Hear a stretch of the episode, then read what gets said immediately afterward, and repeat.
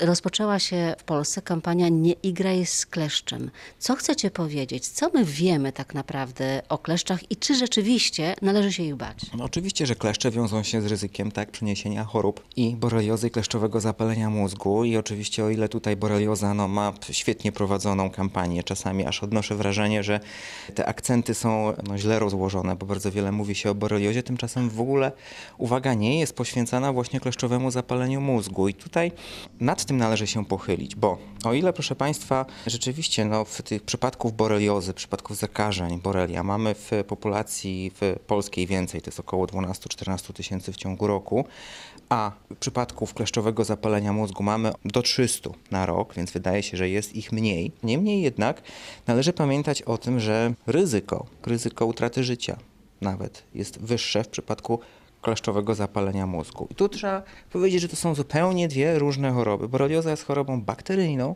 i krótka antybiotykoterapia jest w stanie uchronić nas przed rozwojem choroby i jej konsekwencjami.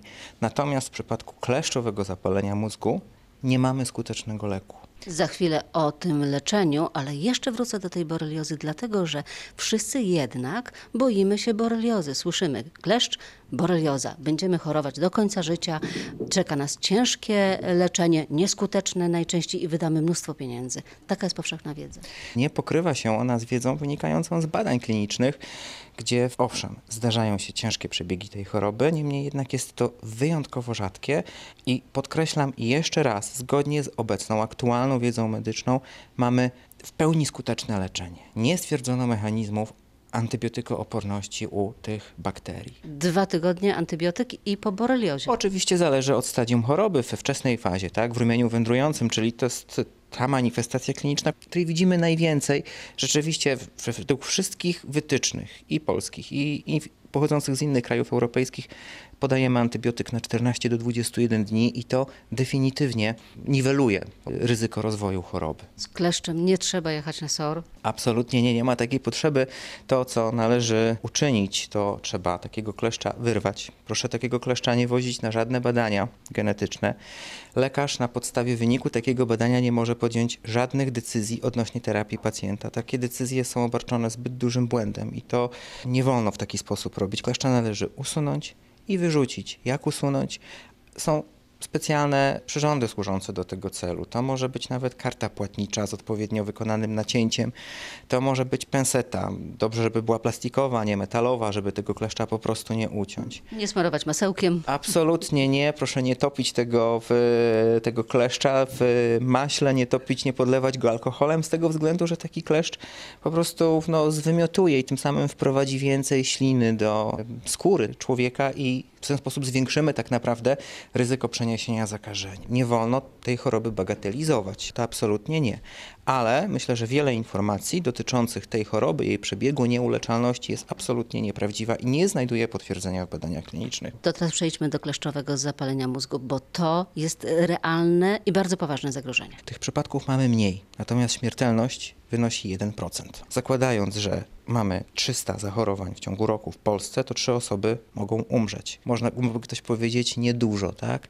Ale punkt widzenia się zmienia, jeżeli to dotyczy naszych bliskich, prawda? Ale jak to się dzieje? W jednym przypadku kleszcz się nam przyczepi i nic się właściwie poważnego nie dzieje, a w innym dochodzi do kleszczowego zapalenia mózgu. O ile w przypadku na przykład boreliozy, jeżeli tego kleszcza usuniemy szybko, w ciągu pierwszych 24 godzin, to ryzyko przeniesienia zakażenia wynosi zero. O tyle w przypadku kleszczowego zapalenia mózgu już w pierwszych minutach żerowania kleszcza dochodzi do wstrzyknięcia wirusa, do przekazania wirusa do e, gospodarza, do człowieka. Ryzyko tak, rozwinięcia się kleszczowego zapalenia mózgu też może nie jest duże po ukuciu zakażonego kleszcza, jest szacowane na maksymalnie 0,75%, tak, czyli do 1%.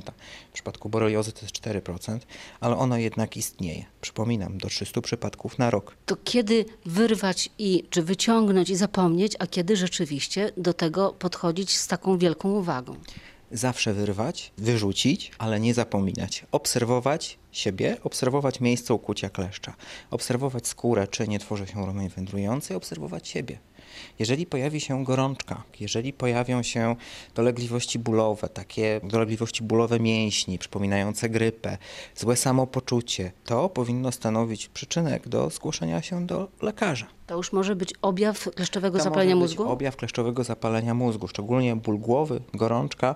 Oczywiście to nie jest tak, że już natychmiast w chwili usunięcia kleszcza te dolegliwości się pojawiają. No, problem też jest taki, że nikt nie wie, jak długo ten kleszcz żerował, prawda? Więc można chodzić z kleszczem na przykład 7 dni i go nie zauważyć. No, tak do 7 dni potrafi być przyczepiony. Jeśli w miarę szybko pojawią się te objawy, zauważymy je, przychodzimy do lekarza, to jest szansa na to, żeby się to zapalenie nie rozwinęło? Tak, nawet jeżeli dojdzie do zakażenia, to w, to zakażenie w 50-70% przypadków nasz układ immunologiczny potrafi sobie z nim poradzić. Nie zachorujemy. Kolejnym etapem jest, no bo mamy zakażenie, musi minąć dwa dni do dwóch tygodni. To jest okres wylęgania się choroby i w tym okresie wylęgania się wirus zaczyna się namnażać, zajmuje węzły chłonne, dostaje się, namnaża się w komórkach krwi do dwóch tygodni człowiek może mieć tą wczesną fazę związaną właśnie z objawami grypopodobnymi. Tak, dwa dni do dwóch tygodni.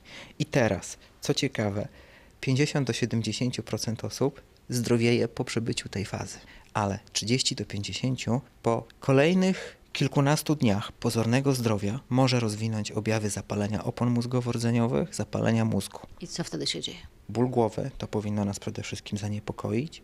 Może dojść do objawów porażenia, na przykład nerwów czaszkowych, tak? porażenie nerwu twarzowego, do zaburzeń widzenia. Mogą się rozwinąć zaburzenia świadomości, takie objawy utraty czucia, na przykład w dłoniach i w stopach.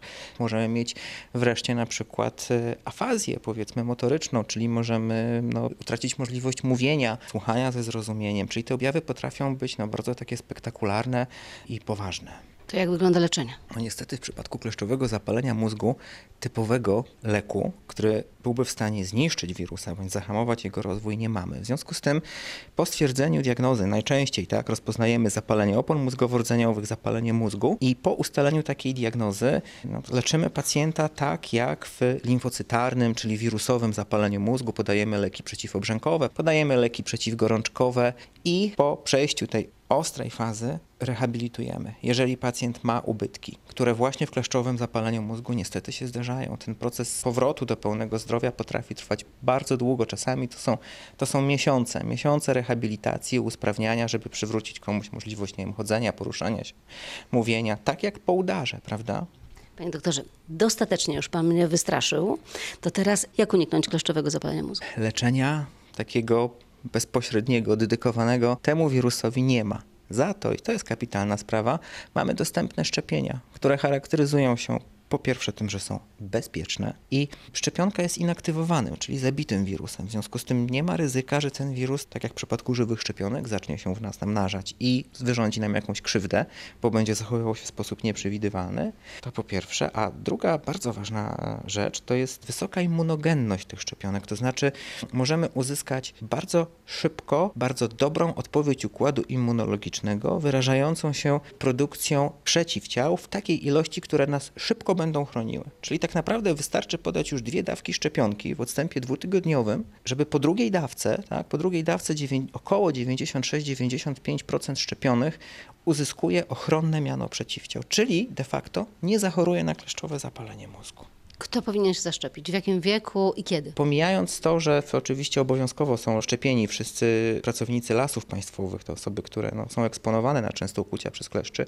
zalecałbym to szczepienie praktycznie wszystkim. Z tego względu, że tak, w przypadku kleszczowego zapalenia mózgu nie ma grup, przynajmniej na razie z badań epidemiologicznych, to nie wynika, żeby na przykład częściej chorowali, nie wiem, mężczyźni czy kobiety, czy częściej, żeby chorowały dzieci tam w określonym wieku, ale nie trudno sobie wyobrazić, że no, każda aktywność związana z narażeniem tak, na pokłucie przez kleszcza, czyli spacer w lesie, jazda na rowerze, spacer do parku, nawet do Parku Szczytnickiego we Wrocławiu, wszystko to jest związane z ryzykiem ukłucia kleszcza. Dorośli bez ograniczeń, a dzieci w jakim wieku mogą się szczepić? Od pierwszego roku życia szczepienia już są zarejestrowane dla dzieci, czyli po pierwszym roku życia, kiedy dziecko kończy roczek, już możemy podać szczepionkę. Grzybiarze, To jest kolejna grupa przecież, prawda? Właściwie mało kto nie wychodzi na trawę do lasu, do parku, więc e, właściwie to wszystkich nas to dotyczy.